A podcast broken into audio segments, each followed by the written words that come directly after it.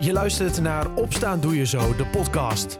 De Zo34-podcast die je elke dag bijpraat over de actualiteit in Zuiders-Drenthe. In een klein kwartier ben jij weer helemaal op de hoogte. Het is donderdag 22 september 2022. Dit is Opstaan Doe Je Zo, de podcast, aflevering 249. Vandaag is het zonnig, met weinig wind wordt het een graad of 18. Met in het Zuidoost-Drentse nieuws. Bij het aanmeldcentrum voor asielzoekers in Terapel hoefden er vannacht geen mensen buiten te slapen. Dat zegt een woordvoerster van het COA. Zometeen meer nieuws uit Zuidoost-Drenthe. En je hoort over de kringloopwinkel in Veenoord, die na een brandweer geopend is. Maar eerst naar de Klinkenberg, nabij Geesbrug. Want langs de Geeserstroom stond jaren geleden een houten kasteel. Vandaag is opnieuw een belangrijke dag voor de Klinkenberg.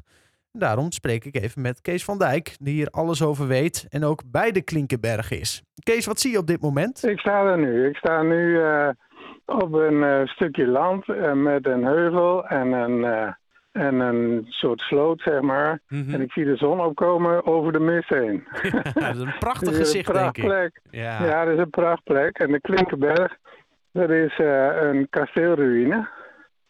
Dat is eigenlijk een kasteelheuvel. Mm -hmm. En uh, weten, mensen weten eigenlijk nog niet zo goed, niet zoveel van die Klinkenberg. En uh, die Klinkenberg ligt bij uh, de Hoge Stoep. Dat is een heideveld in het Gezer, Gezerbos, mm -hmm. langs de Gezerstroom. En op die heuvels daar heeft ooit een kasteel gestaan.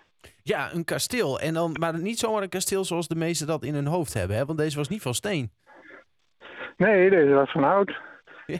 En, uh, en dat is, uh, die is ongeveer in, uh, zeg maar, net na de slag van Ane, die was in 1227. Mm -hmm. Die is daarna waarschijnlijk gebouwd in hout. Ja. Een, een, houten, een houten toren op een, op een heuvel. En, op de, en er waren twee heuvels. De ene heuvel stond die houten toren op. En die andere heuvel, daar stonden de verblijven op, zeg maar, van de soldaten die dan in die, uh, in die toren de wacht hielden. Ah, ja, zo ja. ja. Nou, dan hebben we het dus over de 13e eeuw. Dat is al ontzettend lang geleden. Uh, en, en van hout blijft over het algemeen, ja, er blijft wel iets van over natuurlijk. Maar hoe zijn we er eigenlijk achter gekomen dat de Klinkenberg daar ooit dan stond? Um, er is een, uh, is een opgraving geweest. En, en ook als je het ziet, het is natuurlijk wel een bijzondere plek. Want, want de ene heuvel is wel verdwenen. Mm -hmm. Maar rondom die plek, daar is een ja, er is een ronde sloot. Oh, en ja. er is ooit een gracht geweest. Ja, ja. En, uh, en van overlevering weten we ook dat daar, een, uh, dat daar iets heeft gestaan, een kasteel heeft gestaan. Maar de Rijksdienst voor het Cultureel Erfgoed heeft een aantal jaren geleden hebben ze hier een opgraving gedaan. Oh ja. Is daar nog dus wat gevonden toen eigenlijk? Ja, ja zeker. Toen uh, is er een, een stuk boog gevonden, dus een pijl, van een pijl en boog, zeg maar. Ah. Er zijn pijlpunten gevonden. Um, er zijn keien gevonden, die werden gebruikt als kogels. Dus, uh, dus ja, zeker is er in die... Uh, en die fondsen zijn vooral gedaan in de gracht. Oh ja, precies. Dus zeg maar in, die, uh, in dat ronde, dat ronde, die ronde sloot, rondom die heuvels, daar zijn die, daar zijn die vondsten gedaan. Mm -hmm. En dus we weten zeker dat er iets geweest is. En bij die opgraving hebben ze ook een stuk hout gevonden wat, uh, wat deel moet hebben gemaakt van uit, uh, deel moet hebben uitgemaakt van, uh, van dat kasteel. Ja, precies. En, ja. en daar hebben ze een onderzoek op gedaan, dus zeg maar hoe oud het dan zou zijn. En dan komen ze ongeveer op 1239 uit. Oh ja, dat is en al dat lang, is dan geleden. een aantal jaren ervoor, een aantal jaren. Ja, dat is wel een aantal jaren geleden. ja. ja, mooi dat we dan uh, daar zoveel jaren later nog wel iets van, uh, van zien, zeg maar. En daar dus ook wat van weten. En ik zei het al, het is een, uh, nou, toch een beetje een bijzondere dag voor de Klinkenberg vandaag. Want er komt een hele delegatie op bezoek zometeen. Dat klopt, ja. We hebben dus samen met de provincie en de gemeente... hebben wij, en ik, ik ben ik zit hier namens het uh, plaatselijk belang Gees. Mm -hmm.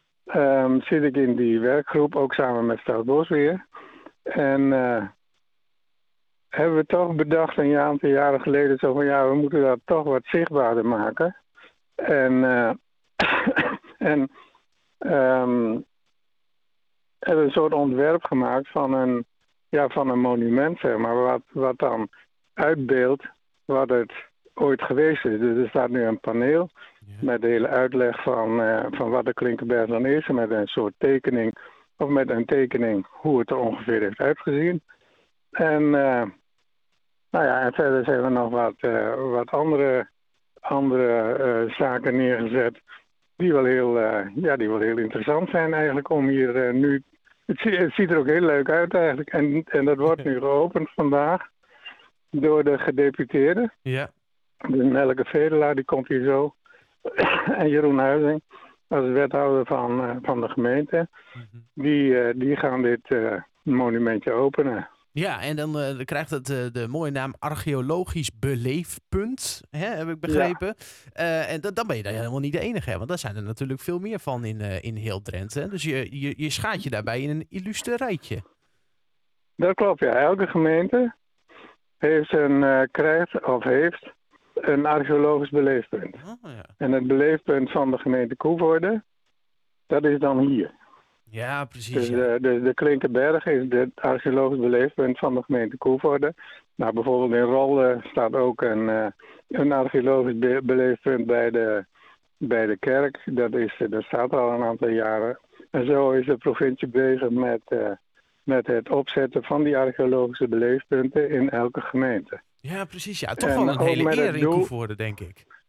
Ja, heel leuk. We vinden het heel leuk dat we hier in Geestes komen te staan. Ja, want er is nogal behoorlijk wat te beleven natuurlijk in Koevoorde, archeologisch en historisch gezien. Ja, precies. Dus wij vinden eigenlijk, ja, nou ja, uh, we hebben ook eigenlijk wel met opzet eens een keer iets gedaan wat niet in Koevoorde is. Ja, nee, dat snap dus, ik ook uh, wat gewoon uh, in, het, ja, in het platteland van, van de gemeente Koevoorde is natuurlijk ook van alles te beleven. Ja, ja, ja, ja. nee, dat is ook zo. En er dat zijn heel veel archeologische vinden, vindplekken en, uh, ja, en, en ook wel heel veel historie. Dit ook, ik bedoel, rondom Gees en Zwinderen is natuurlijk een hele oude historie. Die begint met de bisschop van Utrecht. Ja, en daar kan Kees nog uren over vertellen. Een stukje van die geschiedenis is dus vanaf vandaag te lezen en te bekijken bij de Klinkenberg. Er dan ook vooral zelf even kijken. Je kunt het vinden via bijvoorbeeld Google Maps. Daar staat de exacte locatie aangegeven. Zometeen in de podcast hoor je meer over de kringloopwinkel die weer opent na brand. Dat na het nieuws uit Zuidoost-Drenthe. Bij het aanmeldcentrum voor asielzoekers in Terapel hoefden er vannacht geen mensen buiten te slapen. Dat zegt een woordvoerster van het COA. Er zijn mensen ondergebracht in onder andere Zuidbroek en Stadskanaal. Dinsdagavond was het juist de vraag of er wel genoeg plek was voor iedereen. Maar toen werd er voorkomen dat er iemand buiten hoefde te slapen. 50 asielzoekers krijgen vanaf oktober drie maanden onderdak in een sporthal in de Emmerwijk Bargeres. De gemeente heeft de plek aangewezen als noodopvanglocatie. Daarmee schiet de gemeente te hulp om de drukte in het aanmeldcentrum in Terapel te verlichten. De sporthal in Bargeres is volgens het gemeentebestuur de beste optie. De hal wordt nu gebruiksklaar gemaakt om straks 50 mensen onderdak te bieden. In het gebouw is straks permanent toezicht en beveiliging aanwezig. En ook wordt er geprobeerd om asielzoekers bezig te houden door activiteiten te organiseren. Het is niet de eerste keer dat de sporthal aan de Brink wordt ingezet als noodopvanglocatie. In de zomer gebeurde dit ook al. Tot zover. Dit en meer vind je ook terug bij ons online op zo34.nl en in de app. Kringloopwinkel Het Tweespan in Veenoord is weer geopend. Na de brand van vorige week woensdag op het terrein buiten voor het pand moest de winkel noodgedwongen dicht. Ondertussen wordt ook de revage opgeruimd. Verslaggever Jeanette Oortwijn die nam daar een kijkje. Een zwart geblakerd terrein. Uh, mensen zijn druk bezig met opruimen. Uh, Gietje Boer van uh, Kringloopwinkel Het Tweespan. Als u hier zo naar kijkt, wat denkt u dan? Ja, dat is nog steeds een trieste aanblik. Uh, maar ook wel weer uh, vol goede moed, want we zijn begonnen met het opruimen. Het, uh, de ingang naar de roldeur is weer een beetje vrij. We, we krijgen alweer volop spullen. we hebben wel een verzoek gedaan op Facebook om zo weinig mogelijk spullen aan te leveren de, de, afgelopen dagen. Maar goed, het begint nu toch langzamerhand weer. Dus we hebben weer volop werk. Nou ja, en het opruimen gaat nog steeds door. We hebben nog heel veel te doen. En, maar goed, ik heb vol goede moed zijn we weer verder gegaan. Ja.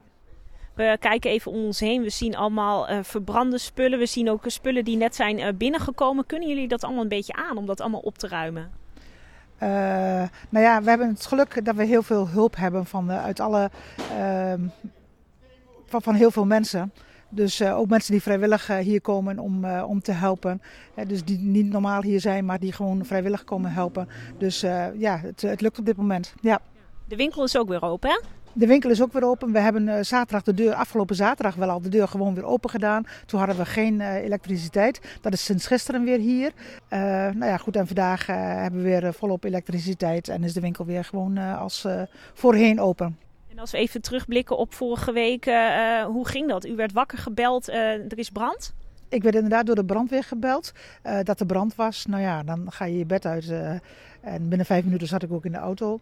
Nou ja, dan kom je hier en alles staat in brand. En dan ben je alleen maar bang dat alles in de brand gaat. Hè. We, zagen wel de trailer ook, uh, ook branden. Nou ja, en, en, de gevel, daar kwam rook uh, onder de panelen vandaan. Maar goed, dan denk je van, uh, of ben je eigenlijk bang dat alles eraan gaat. Maar goed, dat viel gelukkig mee. Ja.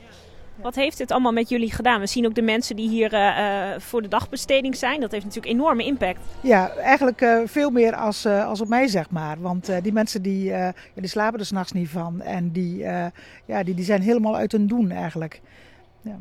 En hoe probeer je dan toch een beetje die positiviteit erin weer in te brengen? Ja, dat is lastig. Hè? Gewoon wel, door vooral hier te zijn en toch maar uh, uh, ja, zo op te vangen. Maar dat is wel, dat is wel uh, er is geen, geen, geen draaiboek voor, zeg maar, van wat te doen als de boel zo vernield is en zo in brand staat. Nee, er is geen draaiboek voor. Ja, en dan is het vermoeden brandstichting. Zo'n brand is natuurlijk heel heftig, maar het idee van dat iemand dat bewust heeft aangestoken, dat lijkt me heel heftig. Dat is ook zo. Hè? Je wordt er ook vooral bang van. Zo van, nou, wat gebeurt er uh, vannacht, wat gebeurt er morgen? Tot je, tot je niet weet waarom het is, dan maakt dat heel erg bang. Al dus Grietje Boer van de Kringloopwinkel, die dus nog wel wat werk te verzetten heeft met haar vrijwilligers en medewerkers. Meer over de brand en over de heropening van de winkel en hoe deze er van binnen uitziet, dat zie je op zo34.nl en in onze app. Tot zover. Opstaan doe je zo de podcast van donderdag 22 september 2022. Een fijne dag en tot morgen.